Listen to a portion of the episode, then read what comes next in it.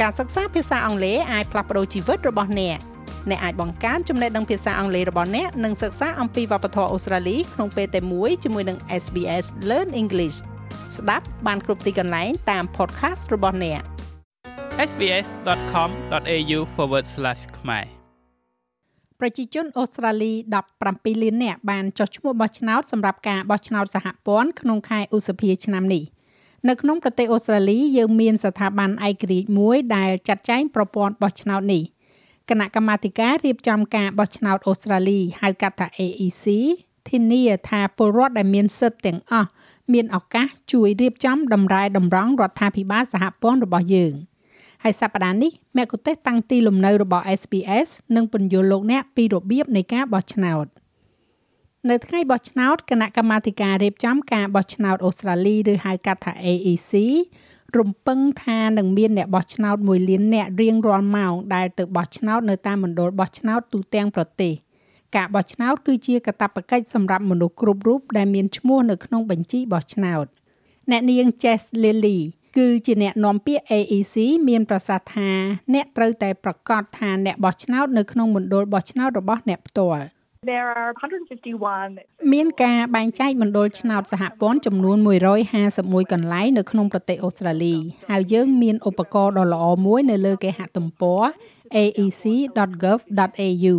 អ្នកនឹងអាចដាក់បញ្ចូលតំបន់ឬក៏ postcode របស់អ្នកដើម្បីរកមើលថាតើមណ្ឌលបោះឆ្នោតមួយណាដែលអ្នកនឹងត្រូវទៅបោះឆ្នោត។ ប៉ុន្តែអ្នកក៏អាចទូរស័ព្ទមកយើងតាមរយៈលេខ13 23 26ដើម្បីនិយាយជាមួយនឹងសមាជិក AEC ឬក៏ចូលប្រើសេវាកម្មអ្នកបកប្រែតាមទូរស័ព្ទរបស់យើង AEC ដំណើរការកន្លែងបោះឆ្នោតរាប់ពាន់កន្លែងនៅថ្ងៃបោះឆ្នោតសាលារៀននិងសាលព្រះវិហារគឺជាកន្លែងបោះឆ្នោតជាទូទៅ ហើយព័ត៌មានមាននៅលើគេហទំព័ររបស់ AEC you'll be able to input your suburb and your post អ្នកនឹងអាចបញ្ចូលតំបន់ suburb របស់អ្នកនិងលេខកូដ postcode របស់អ្នកហើយឧបករណ៍របស់យើងនឹងជួយអ្នកនៅក្នុងការស្វែងរកថាតើបេក្ខជនរបស់អ្នកគឺជានរណាក៏ដូចជាកន្លែងដែលអ្នកអាចទៅបោះសัญลักษณ์ឆ្នោតរបស់អ្នកបានលោក Evan Ekan Smith គឺជាអ្នកនាំពាក្យរបស់ AEC មានប្រសាសន៍ថាកន្លែងបោះឆ្នោតផ្ដល់នូវការណែនាំនិងជំនួយជាច្រើនភាសា you can get somebody to assist you to អ្នកអាចសុំឲ្យនរណាម្នាក់ជួយអ្នកក្នុងការបោះឆ្នោតរបស់អ្នកយើងមានសេវាកម្មបកប្រែតាមទូរស័ព្ទដែលអ្នកអាចប្រើបានប្រសិនបើអ្នកគិតថាអ្នកនឹងត្រូវចូលប្រើសេវាកម្មប្រភេទទាំងនេះមានលេខនៅលើគេហទំព័ររបស់យើងនោះគឺ aac.gov.au/translated អ្នកអាចហៅទៅលេខនោះហើយអ្នកនឹងអាចសួរសំណួរហើយមាននរណាម្នាក់ជាភាសារបស់អ្នកនឹងណែនាំអ្នកអំពីរបៀបបោះឆ្នោតជាផ្លូវការ។ ក្រុមបោះឆ្នោតចល័តរបស់ AEC នឹងចោះសួរសុខទុក្ខប្រជាជននៅតាមមណ្ឌលថែទាំនិងសហគមន៍ដាច់ស្រយាលដើម្បីធានាថាគ្មាននរណាម្នាក់ខកខានឡើយអ្នកបោះឆ្នោតដែលមិនអាចទៅបោះឆ្នោតនៅថ្ងៃបោះឆ្នោតបានអាចបោះឆ្នោតតាមវិធីផ្សេងទៀត if you have a barrier to voting on election day ប្រសិនបើអ្នកមានឧបសគ្គក្នុងការទៅបោះឆ្នោតនៅថ្ងៃបោះឆ្នោតនៅមានមណ្ឌលបោះឆ្នោតមុនពេលក្នុងពេលប្រមាណសប្តាហ៍មុនថ្ងៃបោះឆ្នោតហើយដូចគ្នានេះដែរប្រសិនបើអ្នកមិនអាចទៅដល់មណ្ឌលបោះឆ្នោតមុនពេលបានអ្នកអាចបោះឆ្នោតតាមប្រៃសណីក៏បានដូចគ្នាអ្នកនាងលីលីមានប្រសាសន៍ទៀតថាដើម្បីដាក់ពាក្យសុំបោះឆ្នោតតាមប្រៃសណីសូមចូលទៅកាន់គេហទំព័ររបស់ AEC បន្ទាប់ពីការបោះឆ្នោតត្រូវបានប្រកាស This year it's going to be really open ឆ្នាំនេះគឺពិតជាបើកចំហសម្រាប់ការបោះឆ្នោតតាមប្រៃសណីដោយកលៈទេសៈ COVID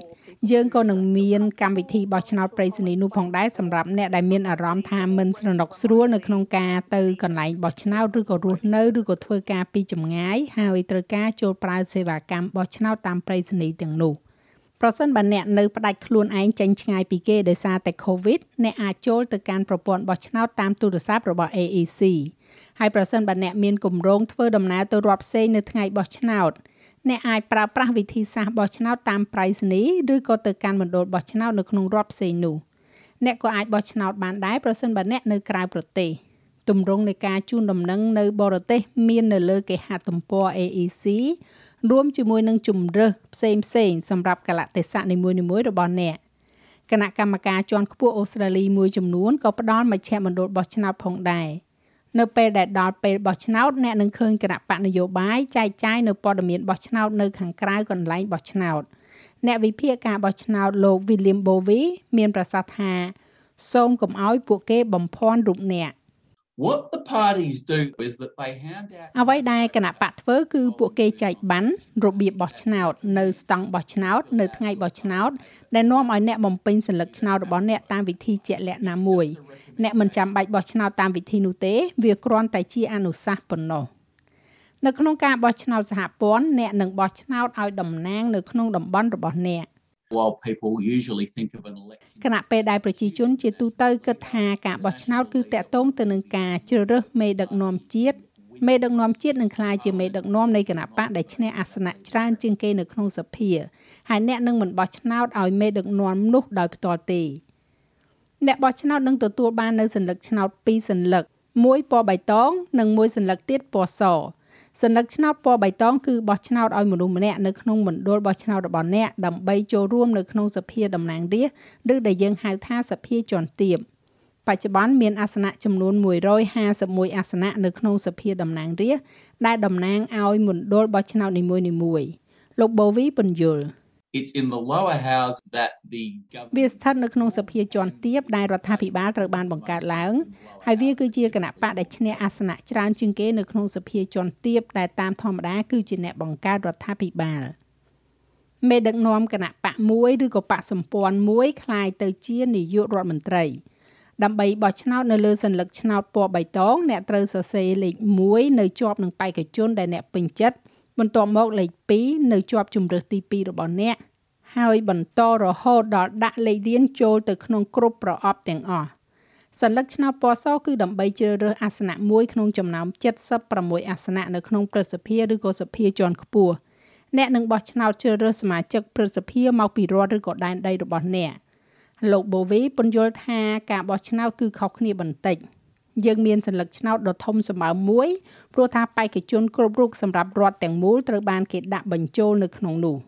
but voting can be quite simple because there are two ប៉ុន្តែការបោះឆ្នោតអាចមានលក្ខណៈសាមញ្ញព្រោះមានវិធីពីរផ្សេងគ្នាដែលអ្នកអាចធ្វើបាន មានប្រអប់នៅពីលើខ្សែបន្ទាត់និងប្រអប់នៅខាងក្រោមខ្សែបន្ទាត់នៅពីលើខ្សែបន្ទាត់មានប្រអប់មួយសម្រាប់គណៈបកនីមួយៗវិធីលឿនបំផុតនិងសាមញ្ញបំផុតនៅក្នុងការបោះឆ្នោត គឺជ្រើសរើសគណៈបកដែលអ្នកពេញចិត្តចំនួន6ហើយដាក់លេខរៀងតាមចំណូលចិត្តរបស់អ្នកពី1ទៅ6ប្រសិនបើអ្នកចង់បោះឆ្នោតជាពិសេសអំពីបេក្ខជនជាក់លាក់នោះអ្នកអាចដាក់លេខនៅក្នុងប្រអប់ដែលមានចំនួនច្រើនជាងនេះឆ្ងាយណាស់នៅខាងក្រោមខ្សែបន្ទាត់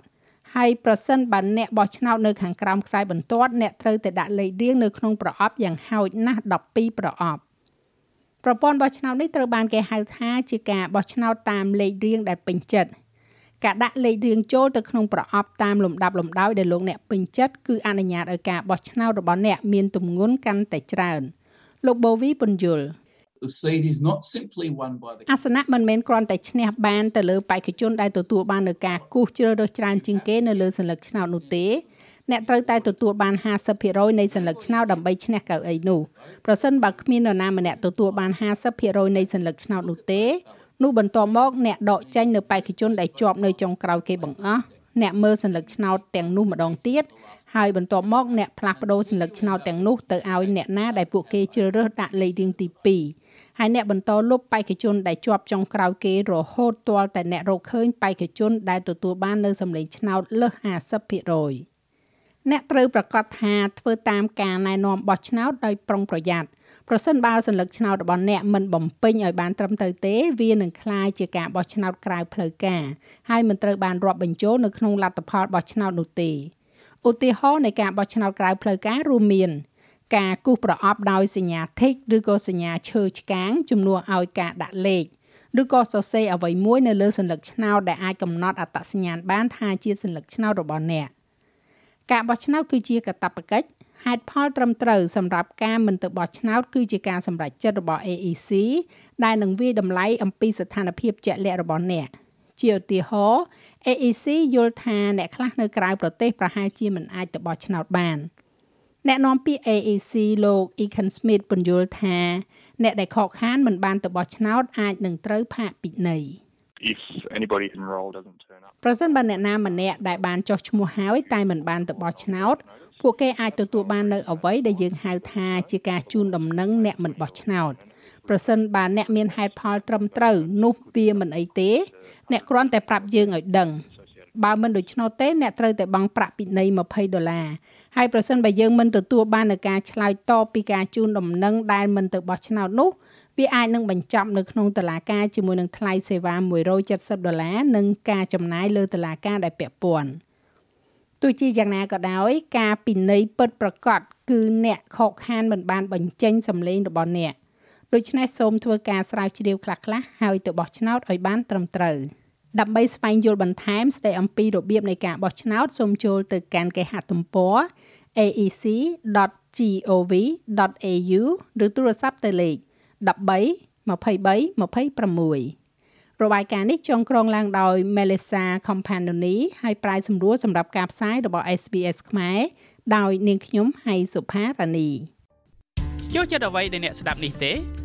Subscribe SBS ខ្មែរនៅលើ Podcast Player ដែលលោកអ្នកចូលចិត្ត